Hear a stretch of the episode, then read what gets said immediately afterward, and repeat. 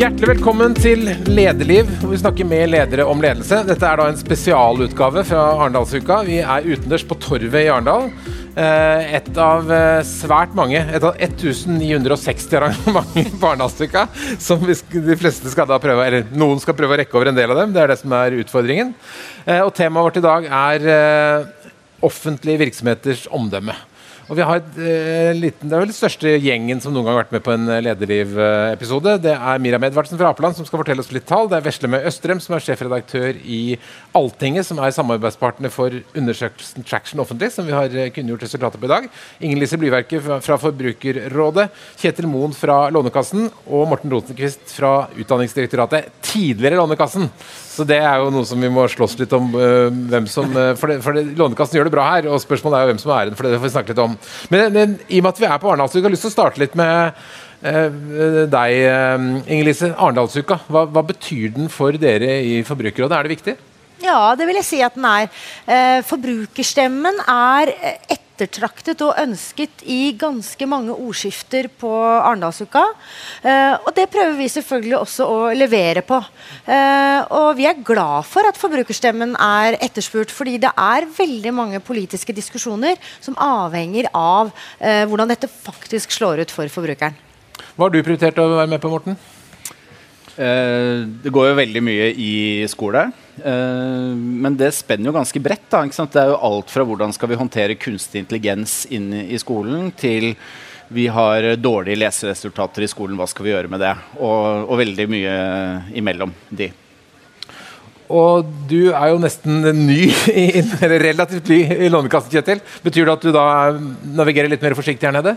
Vi følger litt mer på det i år. Vi har jo hatt et nydelig lederskifte, som du ser, så vi har lett fotavtrykk i år. Men det skjer mye som er relevant for oss. Og det å, være her og snakke med folk og få med seg det som skjer, er viktig uansett. Føler du på en viss sånn utilstrekkelighet i forhold til hvor mye som er på programmet? Det, tror jeg vel de fleste kjenner på. Det er Bare å navigere, i appen er jo en uh, liten halvtime om ja, det, det, er, det, ganske overveldende. Vi har da lagt frem resultat fra noe som heter Traction Offentlig i dag, som er den første gang vi lager en sånn stor uh, skala undersøkelse med omdømme til offentlige virksomheter. og Det er noe som Apeland gjør sammen med Alltinget. Veslemøy, hvorfor ville dere være med på det? Alltinget er jo en politisk avis som eh, dekker politikk litt i dybden, og, og som er opptatt av å, å, skrive om politikk også for de som jobber inn mot politikken, og som er i det politiske systemet. Uh, ikke fordi vi skal være nødvendigvis en, en en smal og sær avis, men fordi vi ser at det er utrolig mye av politikkutviklingen som, som er i samspill med etatene, med de, departementene, med direktoratene. Og det foregår også ganske mye altså Politikerne er veldig avhengig av det. Og Derfor så synes vi det var spennende når Apeland kontakta oss for å høre om dette kunne være noe vi kunne gjøre årlig og, og bruke litt tid på redaksjonelt.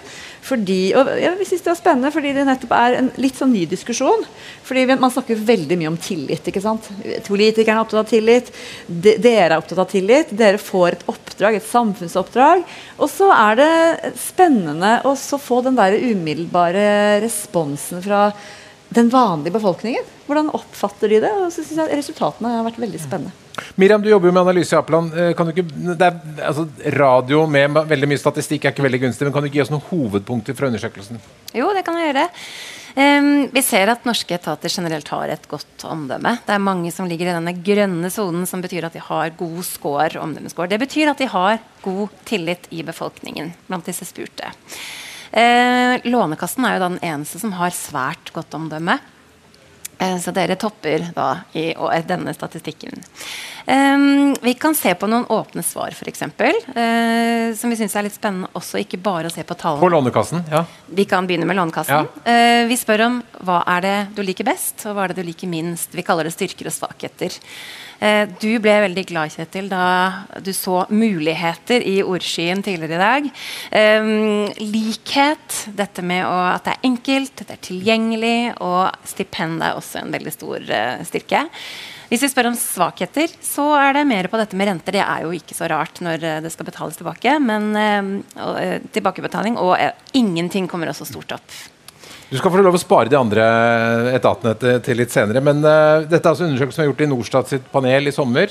Og det er noen hundre, minst, minst, 300 mennesker som har svart på hver virksomhet. Det er folk som da sier at de kjenner virksomheten godt eller litt, så de vet litt hva de snakker om. Men Kjetil, da du fikk vite at Lånekassen endte ut på topp, hva tenkte du? Da tenkte jeg at det er en anerkjennelse av uh, Mortens innsats. ja, men også Mortens forgjengere. ja. Men enda viktigere enn Morten tror jeg er resten av organisasjonen. Uh, også, så, for det, det gjøres en, uh, en, stor jobb hver dag. Men noen, noen, av de begrepene som dukker opp i undersøkelsen, her, det stemmer så én til én med vårt samfunnsoppdrag. Det å gjøre utdanning mulig for tre generasjoner nordmenn, som Lånekassen har gjort, det setter jo sine spor hos de som har brukt oss også. Og folk har veldig sånn genuine og oppriktige opplevelser av at Lånekassen har gjort noe for meg. Og så er de selvfølgelig, ja, Pengene må betales tilbake. Men en god del av dette er stipend. Det er et spleiselag mellom den enkelte og samfunnet. rett og slett. Eh, så eh, jeg tror vi ser igjen noen av de liksom gode følelsene folk faktisk har for det. Og fordi vi kan levere de tjenestene ganske effektivt og enkelt. Mm. Dere får jo 82 poeng i sånn omdømmescore, som er eh, et svært godt omdømme. Men likevel ikke helt på nivå med de, de bedriftene. Altså, du er ikke helt på Finn og Tine og de favorittene i, i næringslivet. Tenker du at etat, altså, den beste etaten burde være like godt likt som de beste bedriftene? Nå syns jeg at vi er to poeng under Finn. Og det å være to poeng unna en, uh, et suksess som Finn har eh, vært i det omfanget, det er, syns jeg sannelig ikke er dårlig. Altså. Men uh, det er jo en diskusjon om du skal du jakte omdømme. Du skal streve etter tillit, for det hjelper deg. du skal jobbe for å bygge den. du skal jobbe for å unngå, unngå å rive den ned. Uh, jeg tenker at akkurat hvor vi ligger, det, det, er ikke så avgjørende. Men hvordan det utvikler seg over tid, det tror jeg har veldig stor betydning. Mm. Jeg kan jo si kort at den Omdømmeskolen består av tre komponenter. og Det er eh, tillit, liker og en liten touch av imponert over. Vi tok ut For å sjekke så tok vi ut liksom, tillitsskalaen parallelt med omdømmeskolen. og Det er helt identisk. så det er, Dette er i praksis et rent tillitsbarometer. Eh, det, er ingen, det er en veldig tett korrelasjon der. Eh, men, og Det er en sånn diskusjon som går i offentlig sektor. i hvert fall på kommunikasjonssiden. Nei, vi, vil ikke, vi er ikke opptatt av omdømme, vi er bare opptatt av tillit. Men strengt tatt så er det jo, er det jo samme sak. Men hvor mye betyr det for Lånekassen f.eks at dere har stor tillit til befolkningen?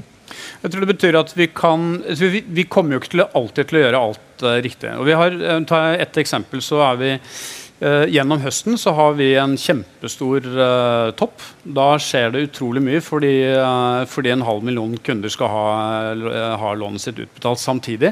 De skal ha det til 16.8 og senest til 31. og da må vi legge andre ting til side. Og Da trenger vi, da trenger vi en, uh, den tilliten for å forklare at uh, ja, dere kan, vil ikke få alt i tide, uh, men vi jobber for at det faktisk skal, skal være der. den saken som du har liggende, den jobber vi med så raskt vi kan. Da hjelper tilliten til å få ut budskapet og få folk til å forstå det. Mm. Morten, du er jo en av de som har, kan ta litt av æren for dette, da, i og med at du har vært sjef for Lånekassen før han. hva tenker du er, det er som gjør Lånekassen så populær? Første, jeg er jo veldig enig i Kjetil sin, sin analyse. og hvor, essensen er vel det at det er nok verken først og fremst meg eller han, men vi er jo vi er, vi er en del av en helhet. Men når du er i Lånekassen, må du tenke at dette er en institusjon som har vart i over tre kvart århundre. 19, nå må jeg nesten tenke tilbake. 1907. eh, og det er ikke, og det er, eh, ikke sant, ja, Departementer og sånn eh, finner du som har holdt på i, i, i 200 år, men det er ikke mange eh, hva skal vi si, direktorater eller offentlige etater som du finner som er helt like siden rett etter andre verdenskrig. Og Det betyr jo også det at Lånekassen har gjort mye riktig over mange år. og Det tenker jeg også er en sånn viktig tilleggsdimensjon når man snakker om, om omdømmet til, til Lånekassen. Og så tror jeg også at Kjetil har veldig rett i det der at du kommer jo tett på brukeren. Eh, eller kunden, da, som sier i Lånekassen. Og det er klart at Hvis den opplevelsen er at jeg fikk pengene mine raskt og effektivt, og de ble inndrevet på en noenlunde skånsom og, og, trivelig måte, så har, god, så har, du en god opplevelse av det. Du har jo gått fra Lånekassen til Utdanningsdirektoratet, som du leder nå. Eh, dere er også på lista med en omdømmescore på 64, så det er akkurat litt sånn middels godt omdømme, litt under godt. Det har du litt å pusle med der. Men eh, det er litt forskjell fordi at Lånekassen leverer jo til folket, mens du leverer jo egentlig til skolevesenet. Eller tenker du også at folkets eh, tillit er viktig for dere? Ja, og, det der er et veldig godt uh, spørsmål. Sånn, uh, I stort så tenker jeg det at alle offentlige institusjoner trenger tillit til hele befolkningen. Det, det hjelper jo ikke hva skal jeg si, hvis det hadde vært sånn at uh, absolutt alle kommunedirektører var superfornøyd med oss, men resten av befolkningen syntes at vi var bånn i bøtta. Så det, det, hadde fungert veldig, veldig dårlig. Og, og Kjetil var inne på det. Det er jo også sånn at når feil skjer, det oppstår kriser. Vi hadde jo en stor krise med, med eksamen, hvor uh, hovedmåleksamen uh, gikk ned, og vi fikk den opp igjen. Det er en egen podkast, liksom hele, hele, hva som skjedde der, så jeg skal ikke gå inn i det. Men, men, det er jo nettopp i sånne situasjoner hvor du også er avhengig av tillit. fordi at hvis du har noenlunde tillit, da, så blir du i større grad også trodd på at ja, vi har gjort en feil, det beklager vi, dette skal vi ordne.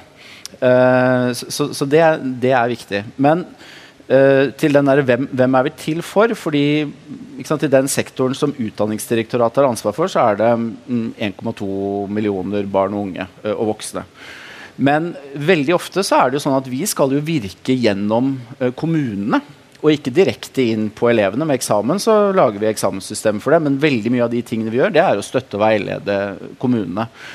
Og da blir det jo også Da er det jo interessant, og det ser vi jo. Vi har jo hatt en egen omdømmeundersøkelse som også dere har laget. Og du ser jo det at de som er jo tettest på oss, som typisk er kommunen, de er jo mer fornøyd enn det f.eks. lærerne er. om så det er jo en del sånne interessante forskjeller. Men til, men til syvende og sist så trenger vi en tillit hos alle foreldre om at Utdanningsdirektoratet jobber for at det er uh, trygt på skolen, barna trives og de lærer noe. Miriam, du har jo, hvis vi tar frem de åpne svarene på Utdanningsdirektoratet, hva er det folk liker og ikke liker ved direktoratet? Mm. På styrker så ser vi at utdanning kommer opp som et av de største ordene. Eh, men det kommer også opp muligheter her, og det er jo veldig veldig fint. Eh, rundt dette med læring eh, og skole, som også er litt mer generisk. Det er eh, de største ordene på UDIR på styrker. På svakhet Skal jeg ta svakheter? Ja, for jeg var spent på, Er eksamen? Kommer eksamensrot opp der? Det gjør det. Det er ikke det største. Eh, det kommer litt opp på dette med byråkrati og litt rundt gammeldags, men også eksamen da kommer opp eh, som en, et problem, en svakhet. i det siste hvert fall. Og så er det masse forskjellige score som vi ikke skal gå inn i nå fordi at uh, det er kjedelig med tall på, på radio. Uh, Inger-Lise Blyverket, du er altså på hva blir det for noe? 1, 2, 3, fjerdeplass med, med en ungdomsscore på 77. Er det bra? Ja, jeg vil jo si det, men vi er også helt avhengig av å ligge høyt. Mm. Forbrukerrådet kan ikke levere på vårt samfunnsoppdrag eh, hvis ikke vi har tillit i befolkningen. Eh, fordi vi er jo egentlig en offentlig finansiert interesseorganisasjon for alle eh, innbyggerne i Norge. Eh, og vi skal på den ene siden påvirke samfunnet i en mer forbrukervennlig retning, ikke minst gjennom reguleringer. Men vi skal også veilede forbrukerne. Det er en veldig viktig del av vårt samfunnsoppdrag. Og hvis de ikke tror at de kan komme til til Forbrukerrådet og få den rådgivningen og veiledningen, så har vi ingen mulighet. Eh, og vi er også avhengig av at media eh, stoler på oss, og at vi har troverdighet der. Sånn at eh, de kan henvende seg til oss når de trenger forbrukerstemmen, når de trenger kunnskap om de forbrukerutfordringene som forbrukerne står i. Eh, for vi når heller ikke fram til forbrukerne uten gode samarbeidspartnere som f.eks. media. Og sånn sett så lever vi eh, av tillit. Ingen tvil. Men da, Noen har sikkert direkte kontakt med det, men de aller fleste ser, ser deg eller dere i, i, media. Føler du at media skaper et uh, riktig bilde av hvem dere er? Vi har 50 000 enkelthenvendelser til vår publikumstjeneste hvert eneste år. Det er en hel del. 50 000 nordmenn snakker med Forbrukerrådet hvert eneste år. Uh, uh, mine kolleger representerer forbrukerinteressene i 20 000 konkrete forbrukerklagesaker hvert år. Uh, så vi er faktisk helt og direkte innpå klingen også på enkeltforbrukeren knyttet til en enkeltforbrukersak, i tillegg til uh, det vi sier når vi snakker høyt og bredt. Uh, og da skal vi neste år prøve å legge ned som bakgrunnsvariabel, for det er alltid spennende å se om de som har hatt kontakt, er mer eller mindre positive. Mm. Men du tenker selvfølgelig at de er mer positive? Ja, vi vet jo en del om dette. fordi ja. at, som jeg sa, vi lever jo av denne tilliten. Så vi undersøker jo både hvilken kjennskap vi har i ulike grupper, og hva de syns om oss. Og vi ligger veldig høyt på kjennskap. Men vi ligger også veldig høy på tillit, og det er en helt klar sammenheng. Kjenner du til Forbrukerrådet, så eh, har vi levert. Da har de høy tillit, de stoler på oss, eh, som igjen selvfølgelig forplikter. da. Eh, fordi at den troverdigheten er så høy at dersom vi eh, eh, misser på det, så gjør jo vi det motsatte av det som er oppdraget vårt. Altså, vi kan ikke komme i en situasjon hvor vi villeder istedenfor å veilede. Eh, og det kjenner jo vi på hver eneste dag. Alle mine 80 medarbeidere kjenner på det hver eneste dag. Skal, vi skal snakke mer om det, men jeg tenker bare kikke på de åpne svarene Miriam, på Forbrukerrådet. Hva sier folk om det? Det aller største er at dere er hjelpsomme. Uh, og det neste er rettferdige. Og så er dere en vaktbikkje og passer på forbrukerne. Uh, og på svakhetssiden så kommer ingenting ut som det største. Det er, Det er gøy. Det er veldig gøy. Uh, og det neste er litt på byråkrati. Ja, det er egentlig, og så er det litt sånn småting også, men det samles ikke opp til noe stort. Men Det er veldig spennende det der med byråkrati. fordi vi er jo vi er jo en interesseorganisasjon, men vi er offentlig finansiert. Eh, vi har et eget styre, vi har egne vedtekter. Vi er egentlig fristilt, men vi er samtidig en del av den offentlige familien. Eh, og det der er en, eh, en utrolig interessant balansegang. Kollegene mine i Forbrukerrådet er jo veldig dedikert til forbrukeroppdraget. De opptrer i veldig mange sammenhenger som om de skulle jobbet i en frittstående interesseorganisasjon. Samtidig så eh, kjenner alle det i ryggraden at vi også er en del av det offentlige, og at ikke minst vi forvalter skattebetalerpenger. Så Hver eneste dag så må vi gjøre rett og sjel for oss i den forstand også. Eh, fordi det er så mange forbrukerutfordringer. Vi kunne gjort så mye bra. Og hver eneste dag så må vi gjøre valg. Hva er det som eh, tjener forbrukerne best? Hvor er forbrukerutfordringene størst? Sånn at vi bruker den potten med ressurser som vi har fått eh, tilgjengeliggjort, på den aller beste måte. For selvfølgelig å opprettholde god tillit, styrke omdømmet og alltid, alltid, alltid være relevant. Er det noe du jobber mye med å liksom massere inn i organisasjonen? At man hele tiden skal tenke på hva som gagner folk mest? Helt åpenbart. Eh, ikke bare jeg, men altså, det ligger i ryggraden hos de som jobber i Forbrukerrådet. Eh, nettopp fordi vi kjenner på at det er så ekstremt stor bredde i forbrukerutfordringer. Eh, og vi er nødt til å bli enige om noen strategiske valg. Eh, vi må tørre og tåle å stå i at vi velger noe fremfor noe annet. Og derfor har jo vi sagt Eh, bærekraft er viktig, digitaliseringen er viktig, og selvfølgelig alltid å sørge for at de som har minst, gjerne når det gjelder økonomi, ikke eh, blir mer utsatt enn det de allerede er. Og det er liksom plattformen som vi jobber med utgangspunkt i, og som hjelper oss hele tiden til å rydde i det enorme uh, trykket av uh, henvendelser vi får. Bare husk på at uh, i løpet av sommeren så hadde vi 100 altså sommerferien så hadde vi 100 konkrete mediehenvendelser til oss og 1000 medieomtaler. Vi har 6000 i året. Vi har et enormt påtrykk til organisasjonen. Og det er kanskje en av de tingene som vi må drilles i hele tiden. Det er å gjøre valg eh, og være trygge i det valget. Uh, ja. Men tror du det er også noe av grunnen til at det har så godt omdømme at dere er veldig gode med media? At dere har blitt veldig proffe på hvordan dere fremstår? Jeg vil heller si det sånn at eh, vi er så avhengige av media for å levere på samfunnsoppdraget vårt. Eh, uansett om, om vi kunne betjent 100 000, 200 000, eh, så er vi helt avhengig av media i eh, når ulykker skjer. Når det blir eh, skogbranner på Rådås, når det blir eh, streik, når det blir eh, pandemi.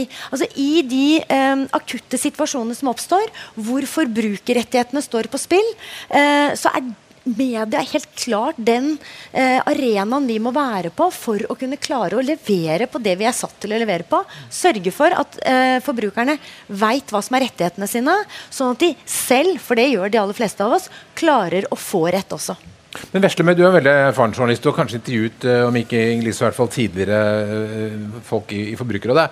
Er det en fordel for en, for en etat som har så stor medietilgang og er medieflink at de vil bli mer populære? Ja, jeg tror nok at kjennskap spiller inn i en sånn eh, undersøkelse som dette.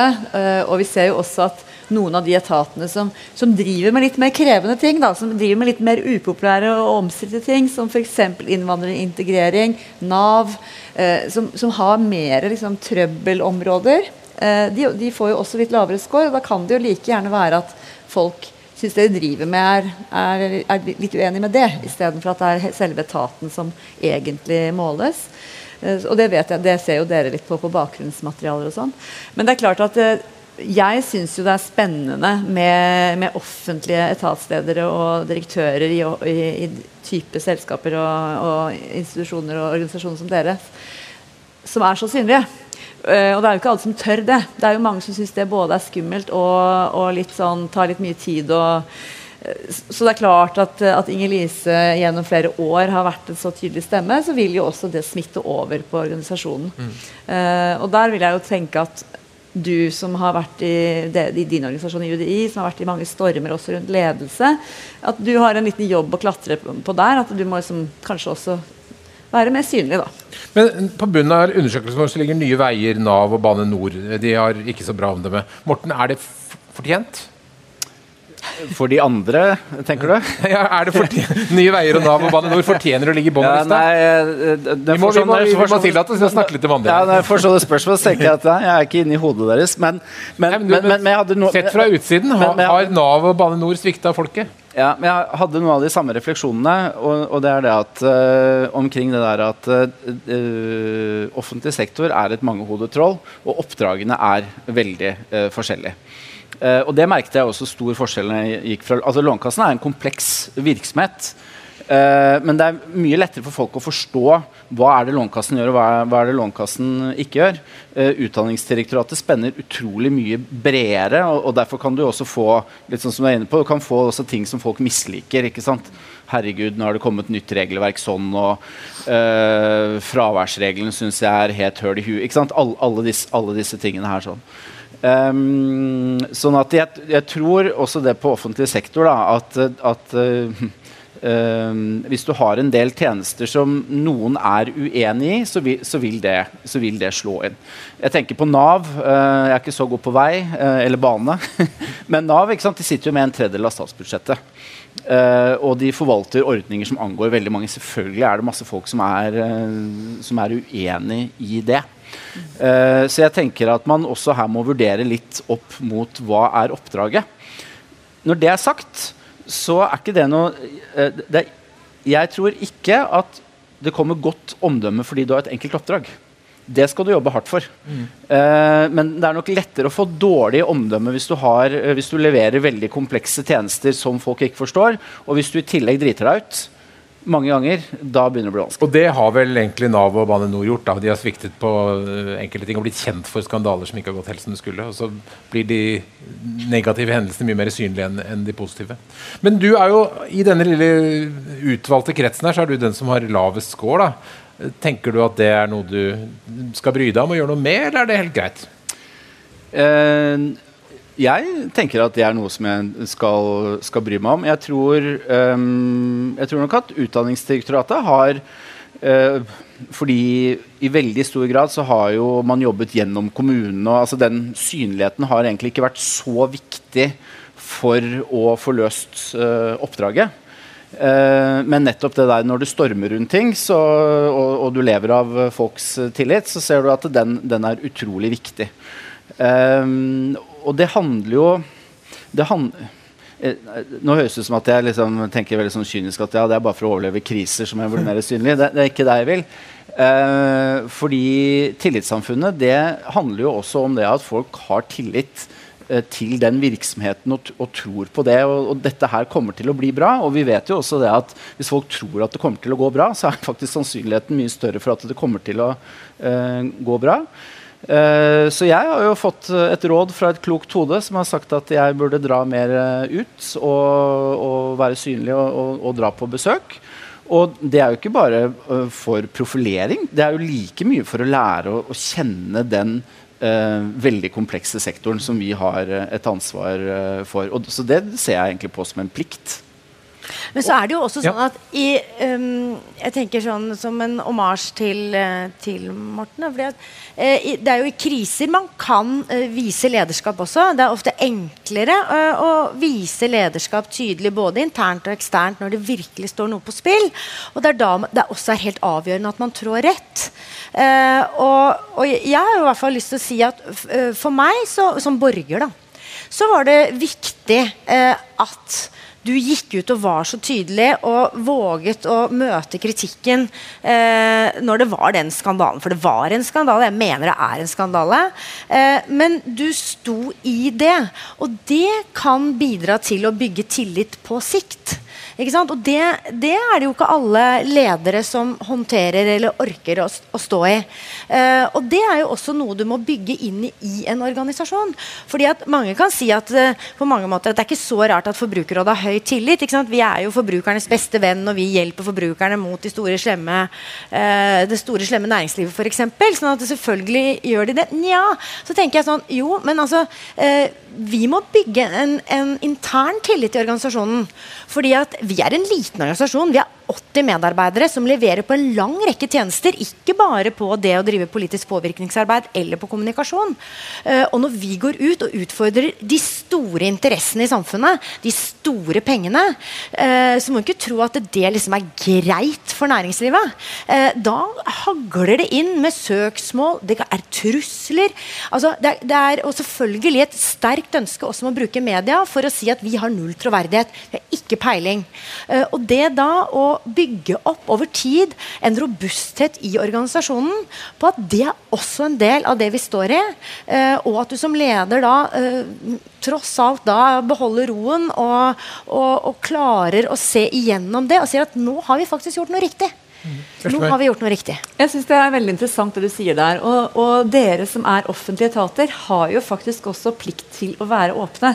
Og fortelle og snakke. Og vi har innsyn i hva dere gjør, og, og vi følger veldig tett med på dere. ikke sant? Der skiller jo privat sektor seg. De kan pøse ut med PR. De kommer ut hver, hvert kvartal og så forteller de hvor flinke de har vært. og Så går de tilbake på rommet sitt og så leverer de ofte veldig skreddersydde kulepunkter og, og, har en mye større mulighet til å la være å snakke om problemene sine.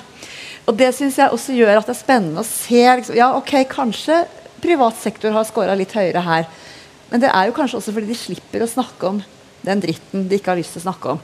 Og jeg mener virkelig at uh, hvis du ser på, noe, på politikernes side, da, det, eller hva de har vært igjennom det siste året, så ser vi jo at de skandalene som har vært, og de feilstegene som har blitt gjort, mange av de kunne ha vært tilgitt hvis du ikke hadde håndtert det på en dårlig måte. Hvis ikke du hadde på en måte klart å stå i det og, og være en som sier 'jeg har gjort feil', det beklager jeg. Og, ja, og ikke prøve å skjule alt. Nå skal vi ikke snakke veldig mye om Bane NOR i dag, siden de ikke er her, men det er jo helt klart at uh, den uh, Follobaneskandalen var kommunikasjonsmessig også veldig dårlig håndtert. og De gjemte seg jo, og de starta med pressekonferanser og sluttet uh, med å være gjemt og hemmelig. Og, i det, tatt, så det, det har helt sikkert bidratt. Kjetil, når du nå har overtatt, kan ikke du si litt hvordan du tenker for at du skal jobbe som leder? Hvordan skal du være for å bevare det gode omdømmet til Lånekassen? Det handler jo både om hvilke tjenester vi faktisk leverer. Uh, og det er et spørsmål om, om, de er relevante for det samfunnet og de utfordringene vi har. Nå er vi der at vi ser at det er en del det er store kompetansebehov som knytter seg også til folk som er i arbeid. Så det å jobbe med å utvikle støtteordninger som kan treffe en gruppe som kanskje ikke får den kompetansehevingen fra sin arbeidsgiver, det er, det er, et viktig satsingsområde for oss. Men så er det også det å, å, å, jobbe med hvordan vi leverer dem. fordi vi er en masseforvaltningsorganisasjon. Vi har én million søknader, vi har to millioner henvendelser i løpet av et år. De må raskt igjennom systemet, eh, slik at pengene kommer ut. Uh, skal vi få til det, så er vi helt avhengig av at våre kunder finner det de trenger på, hos oss. At de forstår hva de skal gjøre, og at de får gjort det. Uh, og da må vi både ha liksom, gode nettsider, utvikle uh, det liksom, brukergrensesnittet vårt mot kundene hele tiden. Uh, og, og, også kommunisere om det. Vi snakket om kommunikasjon i kriser, men vi kommuniserer jo mye i fredstid om et produkt som er bra for deg, men som kan bli litt mye hvis du får for mye av det. For vi gir jo et lån. Mm. Det skal betales tilbake. Så når eh, renta stiger, så er vi kanskje litt til forskjell fra mange andre banker, så er vi ute og, forteller, og prøver å få oppmerksomhet om det. Rett og slett for at våre kunder må også tenke gjennom hvilken forpliktelse de tar på seg. Så vi bruker jo på mange måter litt av den tilliten når vi går ut og uh, ser at ja, vi har en tjeneste, den er tilgjengelig, den kan du få på en enkel måte, slik, men den har også noen følger, og det må dere tenke gjennom. Det tror jeg også på sikt, selv om det ikke nødvendigvis er en sånn reklame for våre egne tjenester, så det, bygger det tillit over tid. Men nå, hvis det blir slik at folk får eh, enda høyere renter og sliter med å betale, så vil jo deres eh, inndrivingspolitikk være med på å forme oppfatningen. Er det, er det noe dere tenker på? At dere ikke skal være sånn beinharde på å dra inn penger for at dere skal ta vare på ungdommen deres? Da flyttes hele problemet over til Statens innkrevingssentral, Okay. Ok. det er- eh, og det er skatteetaten. Eh, Men, men vår oppgave er å forsøke å unngå at de havner der. De har jo en god del uh, muligheter. Vi har virkemidler for å hindre at de kommer der. De kan få betalingsutsettelser, de kan få sette renter. Uh, Det er viktig. men noe av, noe av utfordringen er faktisk å komme i kontakt med kundene våre. og Det er også en grunn til at vi må ut uh, for å prøve å treffe dem. Så er det ikke sikkert at alle de kundene som sliter med å betale, faktisk leser avisen så ofte. Men, uh, men uh, ja. Der, Men, så er vi enige om et godt omdømme har en fordel i forhold til brukerne dine, eller kundene om du vil. Hva med eierne? Altså, har det noe å si for departementet som du rapporterer til om dere har et godt omdømme eller ikke? Jeg tror det er en, betryggende. Nå tror, jeg, nå tror jeg politisk ledelse kanskje reagerer enda mer enn når du har et dårlig omdømme. Og, og, Men du har jobbet i departementer tidligere. Er man opptatt av liksom, etatenes omdømme? Ja. Du er, eh, du er eh, statsråd og er generelt lite interessert i å havne i, eh, i diskusjoner som de selv ikke tar initiativ til. Du har, ikke så, du har ikke lyst til å bruke kvelden til å, å diskutere eksamensutfordringer. så, så ja. men Liksom, det er ikke først og fremst omdømme, det er det å ikke gjøre noe dumt. Ikke gjør, en ikke gjør feilen i første omgang. Det er vel kanskje en sånn mantra generelt i offentlig sektor at det viktigste er ikke å gjøre noe dumt. Morten? Ja, men, men den, Kjetil sa jo dette her også med hva, man, hva man leverer i fredstid. For nå har det jo vært litt, blitt mye sånn med liksom, kris, krisehåndtering og, og, og profilering. Men jeg tror også det er et veldig, det er også et veldig viktig eh, poeng. og sånn som For utdanning, Utdanningsdirektoratets del så vet vi at en ting som de som bruker oss er, er fornøyd med å bruke ofte, det er jo det kjempesvære kunnskapsgrunnlaget som vi sitter på. Ehm, og det handler jo også om omdømme og tillit. At man har tillit til at det vi har på våre sider, det vi har funnet fram, at det er riktig og korrekt. Eh, og så tror jeg at vårt um, omdømme det kan bli enda bedre. At vi er enda flinkere til å tenke hvordan når vi ut med all den kunnskapen vi sitter på. Fordi én ting er det der å, å, å samle det og, og systematisere det. Det er, det er et godt stykke arbeid.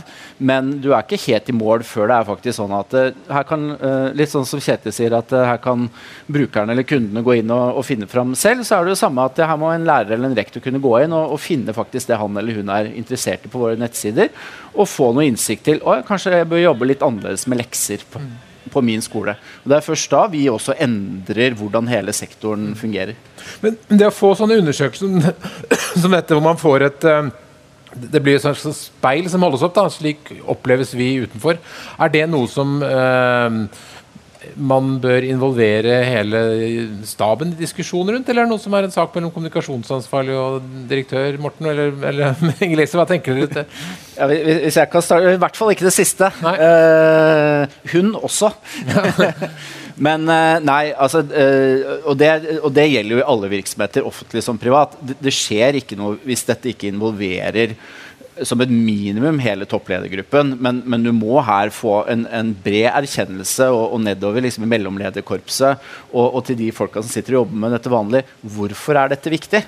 Eh, og da synes jeg det eksempelet som jeg hadde i stad, med, med at det faktisk er en rektor som kan endre hvordan de jobber med lekser. Så du må også gjøre noen måter sånn at du forstår at det er ikke bare sånn at vi har lyst til å krype oppover på en indeks, fordi det syns ikke mange er så spennende. Men veldig mange er jo opptatt av samfunnsoppdraget, så du må omgjøre denne type undersøkelser til faktisk å si at ja, hvis vi kommer opp her, så faktisk lykkes vi også bedre med samfunnsoppdraget, og, og det brenner jo folk for. Ja, Forbrukerrådet tror jeg det er, eh, så er det ikke disse undersøkelsene seg selv. De kan bare bekrefte eller avkrefte noe vi kanskje vet. Altså, vi opplever sannhetens øyeblikk hver eneste dag.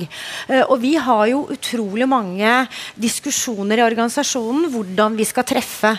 Eh, vi har- Er dette noe som involverer alle? ja, det, ja, ikke nødvendigvis Ja. alle, alle hele tiden, men, men, men tenk, la oss si under pandemien. Idet vi stengte ned fullstendig, eh, så var det plutselig en, en 1000 forbrukerutfordringer traff liksom forbrukerne liksom, eh, Helt nye utfordringer. ja, de, og de traff helt så Man fikk ingenting av det man hadde forhåndsbetalt for, f.eks. For ingenting.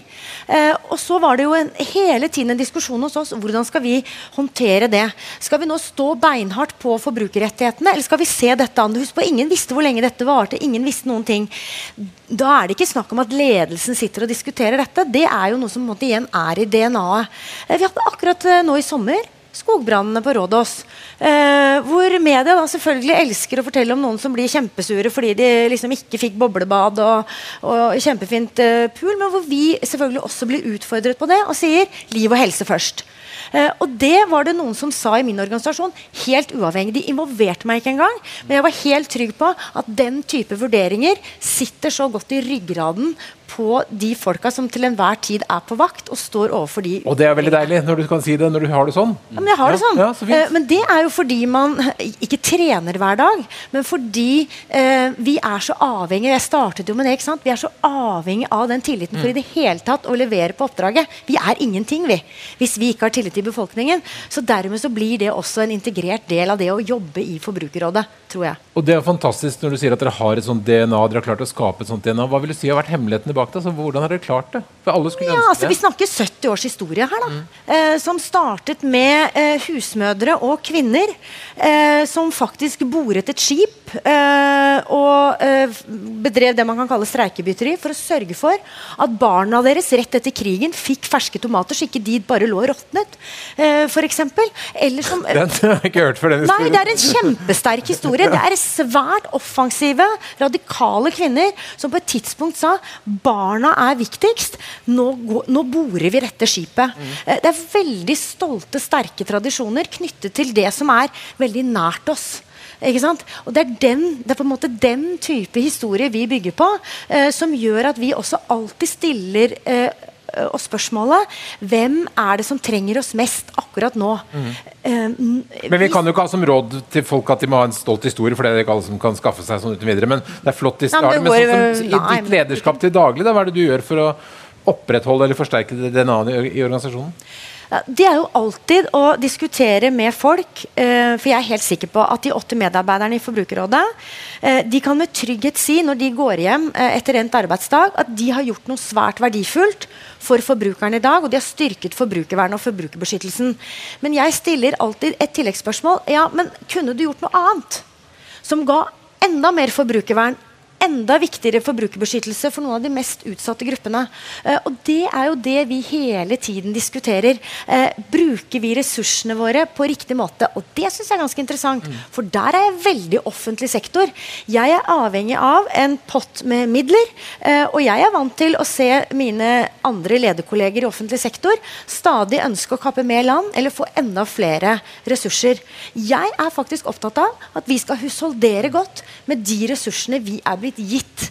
Og det tror jeg smitter over på en organisasjon, sånn at man faktisk ser noen muligheter. Er det en sånn kultur du også ønsker, Morten?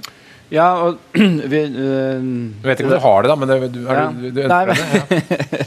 Ja. både har og ønsker enda mer av. Det er- altså, I Utdanningsdirektoratet så er det jo øh, sånn at øh, Det vi sier selv internt, er det at øh, det er utrolig mange avveininger man kan gjøre. Øh, bare regelverket er jo et sted å starte. Uh, stortingsproposisjonen, ny opplæringslov, 700 sider. Legg på forskriften oppe der, så er det oppe i 1000 sider. Ikke sant? Eh, massivt. Så, og, øh, sant? Er det kommunen, eller er det staten, eller er det foreldre? eller noe sånt? Men, men vårt prinsipp er jo det at øh, Eller en sånn føring da, som jeg syns er ganske bra, det er å si det at man setter barnets beste først. Og når du gjør det, så faller en del andre vurderinger ganske godt uh, på plass. Og Det er en slags versjon av det jeg opplever at du snakker om også. Og det er jo en måte å koke det ned. Hvem er vi, og hvem er vi til uh, for? Er, hvis vi ikke bare snakker om dere, er eh, direktorater og offentlige etater generelt gode nok til akkurat det der? Å tenke på hvem er vi til for, hvordan leverer vi det best mulig?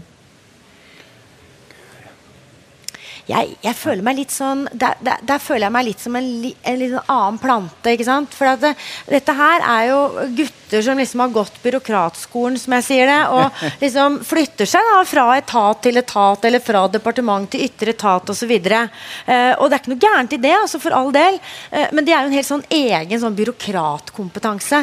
Eh, men det er ikke vanlig å rekruttere til Forbrukerrådet, eh, i hvert fall ikke de, de senere årene, eh, innenfra eh, sentralforvaltninga. Eh, vi kommer ofte utenfra eh, og har dermed litt sånn, kanskje litt sånn annen blikk eller en annen måte å gjøre det på. Også fordi vi har en litt større frihet. Eh, mitt tildelingsbrev eller oppdragsbrev fra departementet som jeg sorterer under, er veldig veldig mye tynnere enn eh, oppdragsbrevene til eh, begge disse to ved min side. Som gir f.eks. meg en helt annen frihet. da. Mm.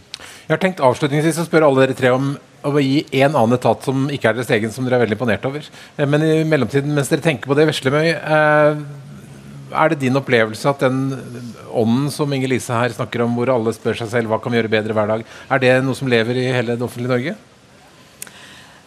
Nei, min opplevelse er nok at ganske mange offentlige etater og direktorater er veldig redde for å gjøre feil. Veldig redde for å stille statsråden sin i et dårlig lys. Det er jo også veldig kjent at i det øyeblikket man har gjort noe bra, så kommer det gjerne statsråd og tar all æren, men når det har skjedd noe ikke så bra, så blir blamen liksom fort plassert over på direktørnivå. Um, så jeg tenker nok at det er mer en litt sånn modighet rundt, uh, rundt hvordan man uh, definerer samfunnsoppdraget eller, eller kommuniserer samfunnsoppdraget, hadde vært forfriskende. Uh, og som journalist eller som redaktør så må jeg også si at det eneste som kan styrke tillit, som da igjen har noe med omdømme å gjøre, er jo åpenhet, mer åpenhet og enda mer åpenhet. Uh, og det opplever jo vi som, uh, som, jobber med journalistikk, at selv om disse er ganske gode på det, så er det jo veldig vanlig å skjule kritikkverdige forhold innenfor sånn type intern kommunikasjon med departementet. Så det, så det er fremdeles Da tror jeg mange eh, kommunikasjonsfolk i hvert fall ville si at ja, men vi stoler ikke på dere i pressen for dere vrir og vrenger på alt mulig, så er det dere som har skylda. Pressen har, vi, vi, har vårt oppdrag, og vi skal passe på disse. Vi skal være vaktbikkja til vaktbikkja, uh, og vaktbikkja til uh, kunnskapsbedriftene her borte. Og det, det syns vi er veldig spennende, men, uh, men, det er i hvert fall min utfordring til, til denne gjengen her. da. Mm. Vi kan starte på deg, Vesle. Nå fikk ikke du forberede deg, men er det noen offentlig etat som du er særlig imponert over? Ja, jeg syns det er ganske overraskende at uh, Forsvaret kommer veldig høyt opp mm. på scoren. De har da en omdømmescore på 75. Og det i et år hvor de har hatt varslingssaker en masse i mediene hver, hver uke. Og også fått kritikk for, uh, for lederutfordringer og og sånne ting. Og, da, og så syns jeg Jeg tror jo at det handler om at Forsvaret driver med forsvar, og vi er i en utrolig tøff og krevende situasjon i verden. Eh, og at de også da har denne tunge, trygge tradisjonen som de hviler på, og som de, de, også uttrykker godt. Det er klart De har også mange dyktige folk som har vært ute i mediene og vist at det finnes noen som tenker og som forstår, og som kan se en vei inn i, ut av denne fryktelige krisen som verden står i. Inger Lise, hvem imponerer deg? Mm. Det er en enda mindre virksomhet enn min, og det er Barneombudet. Ja. Det er ca. halvparten så mange ansatte som det vi har i Forbrukerrådet. Eh, og de har jo på en måte et slags lignende oppdrag, så det er kanskje ikke så rart at jeg sier det. Men jeg, jeg vet også hvor eh, strengt det husholderes med ressursene der. Og også hvor jeg, altså, hvor jeg ser gang etter gang etter gang eh, hvor klokt Eh, lederen der går ut eh, og brøyter vei og ivaretar det som er da barnets beste. De har virkelig mm. barnets beste som sitt samfunnsoppdrag. Eh, og klarer på en utrolig kunnskapsbasert måte å filleriste både myndighetsapparatet og politikerne. Men på en måte som jeg opplever hele tiden skaper nye muligheter, gir rom for enda mer dialog, og selvfølgelig også forbedringer i resten av det statsapparatet som egentlig skal være rusta for å ta vare på f.eks. barna. Da. Barneombudet er målt i Traction offentlig. Omdømmeskår på 73, som er et godt omdømme. Så det er veldig bra. Men ikke fullt så bra som deg, men, men uh, veldig, veldig bra. Uh, Morten, hvem ville du skryte av? Nei, uh, jeg tror det må bli Skatteetaten, uh, som også er et direktorat. Det er jo litt komplisert. Men, uh, og, og, og, grunnen til det er det at skatt det er et tema som angår oss alle. Nå så tar vi det bare som en selvfølge. ikke sant? Altså, og vi har hatt det lenge, elektroniske selvangivelser, alle disse tingene. men hvor skatt har ligget langt fremme hele tiden. Det er vanskelig å ligge først eller langt fremme i offentlig sektor på teknologisporet, og det har de klart. Og de har jo også klart det der å få skatt til å også bli i stor grad faglige spørsmål. Fordi Det kunne lett også blitt store politiserte spørsmål. ikke sant? Men altså, da, hva skal jeg si, spørsmål om arveavgift eller ikke, det tar, man, tar politikerne. Og så lager skatteetaten gode og fornuftige systemer for dette som fungerer for, for alle borgere. Og Det syns jeg er imponerende. Kjetil? Jeg får veldig lyst til å slutte meg til Morten, siden jeg kommer fra skatteetaten. Nå, men, men, jeg har heller, faktisk heller lyst til å ta fram en av de som ligger et godt stykke ned, og det er ja. NVE. Mm. Eh, NVE har stått i svære uh, diskusjoner om uh, energileveranser, om strømkriser uh, osv. De har nå en kjempekrise i, med flommen. men lederen av NVE har kommunisert klokt og jeg mener veldig åpent. Og en, en, en, en, diskuterende form. Da. Man tar, tar, både motstandere og medspillere på stort alvor. Og legger opp til debatter som gir mening. Og jeg, synes, jeg tror den, den, måten du etterspurte, uh, litt den hvordan kommuniserer vi på en litt modigere måte? Jeg syns, uh, syns Kjetil Lund har gått i, i, i, foran oss uh, alle. Mm. Da kan jeg avslutte med å si at Det er, ligger et intervju med Kjetil Lund på Lederliv. Det ligger med Morten Rosenquist, det ligger med Inger Lise Blyverket. Vi snakker bare med dem om ledelse. Og det ligger også um, data om traction offentlig på Apelands hjemmesider. Og det blir et seminar 25.10 hvor vi skal snakke om uh, offentlige bedrifters omdømme. Tusen takk for at dere brukte kvelden med oss her på Arendal. Nå kan dere gå ut og drikke dere fulle eller noe annet moro. takk for at dere kom. Pass på omdømmet vårt. Ja, det må du. takk.